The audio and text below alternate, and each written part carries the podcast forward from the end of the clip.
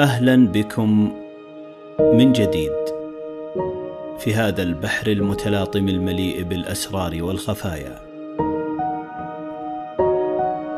لنواصل معا متعة سبر التاريخ والمعرفة الإنسانية والسياسية. وتبقى السياسة حالة من الغموض والمواقف المتغيرة التي لا يمكن التنبؤ بأحداثها وتطوراتها. ولذلك وصفها عالم الفيزياء الشهير أينشتاين بأن السياسة أصعب بكثير من الفيزياء.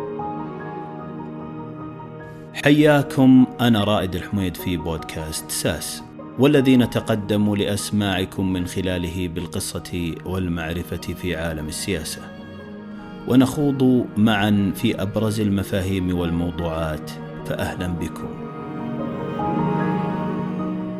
في أعقاب عام 1949 امتلك الاتحاد السوفيتي القنبلة النووية. كأول دولة بعقيدة شيوعية تمتلك أخطر أسلحة العالم وبدأ العالم معها مرحلة جديدة مرحلة توازن الرعب. ويتأسس بعد ذلك حلف الناتو وكخطوة ضد الاتحاد السوفيتي. بدأت الولايات المتحدة بنشر صواريخ نووية في تركيا وفي إيطاليا باتجاه الاتحاد السوفيتي. وفي بداية الستينات الميلادية ظهرت أزمة دولية جديدة كرد فعل غير متوقع. بدأ الروس بالعمل على نشر صواريخ نووية في كوبا.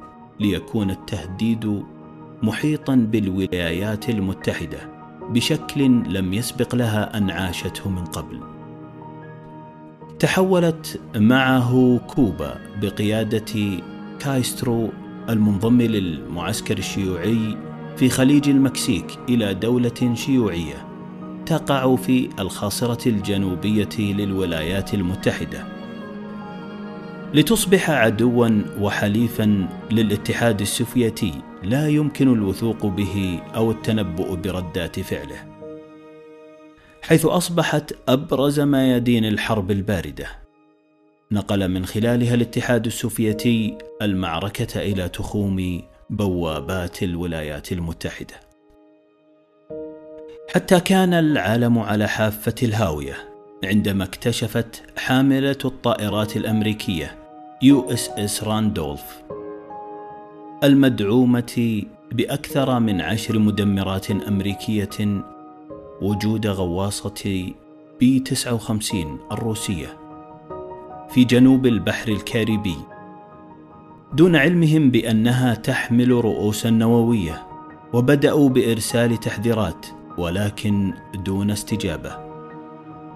وإرسال قنابل تحذيرية لها للخروج من منطقة خليج المكسيك حيث اعتقد قائدو الغواصة الروسية لوهلة أن الحرب المرتقبة قد اندلعت وأنهم أمام خيار استخدام الصاروخ النووي الذي تحمله الغواصة كرد مباشر لا يحتمل التأخير ولكن قائدي الغواصة لم يجمعوا على إطلاق الصاروخ وكان قرارا أنقذ العالم حيث أجمع المحللون العالميون على أنها أخطر لحظة في تاريخ البشرية وأن القرار لو اتخذ فإن ذلك من شأنه أن يدمر معظم أنحاء العالم.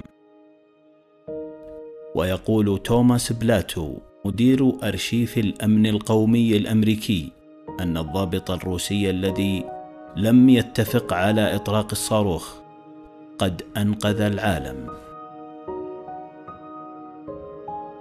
حلفاء الحرب العالمية الثانية أصبحوا ألد الأعداء وأصبح الكوكب منقسما إلى معسكرين شرقي وغربي.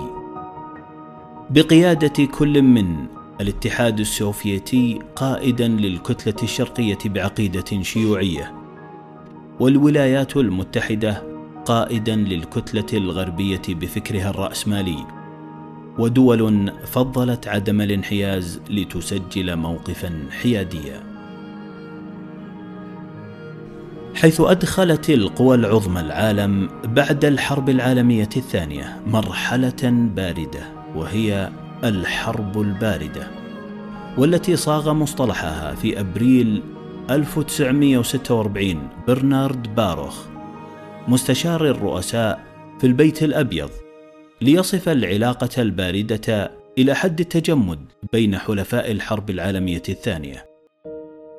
عندما ألقى خطابه في أحد اجتماعات مجلس النواب وقال نحن اليوم في خضم حرب باردة. أعداؤنا موجودون في الخارج وفي الداخل. دعونا نتذكر دائما أن اضطراباتنا هي جوهر نجاحهم.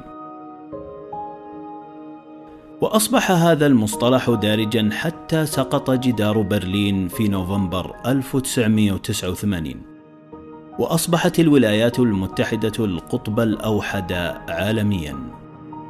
وبدأ شكل النظام العالمي يتشكل من جديد. وأمام كل هذه التحديات بعد اكتشاف الصواريخ السوفيتية في كوبا كان لزاما على الطرفين بأن يتم رفع مستوى التنسيق لتفادي خطر الوقوع في أي مغامرة قد تكلف العالم الكثير. وذلك من خلال إنشاء خط اتصال مباشر والمسمى Red Line بين واشنطن وموسكو. وذلك بغاية رفع مستوى التنسيق المشترك وتجنبا لاندلاع أي تحرك لم تحسب عواقبه. وتم استخدام الخط بإرسال أول نص من واشنطن إلى موسكو. كان مضمونه أن الثعلب البني السريع قفز على ظهر الكلب الكسول حيث استخدم هذا الخط لرفع مستوى التنسيق على كافة الأصعدة.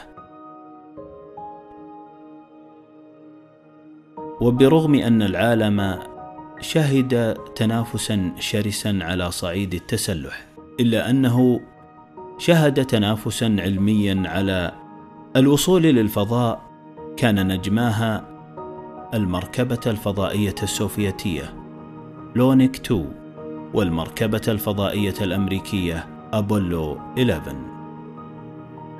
عاش العالم طوال الخمسه وأربعين عاما حالة من التأهب حتى أصبح الطرفين في حالة استعداد مستمر وأصبحت سياسة حافة الهاوية. brinkmanship التوازن على حافة الحرب التي صاغها وزير الخارجية الأمريكي الأسبق جون فوستر دالاس.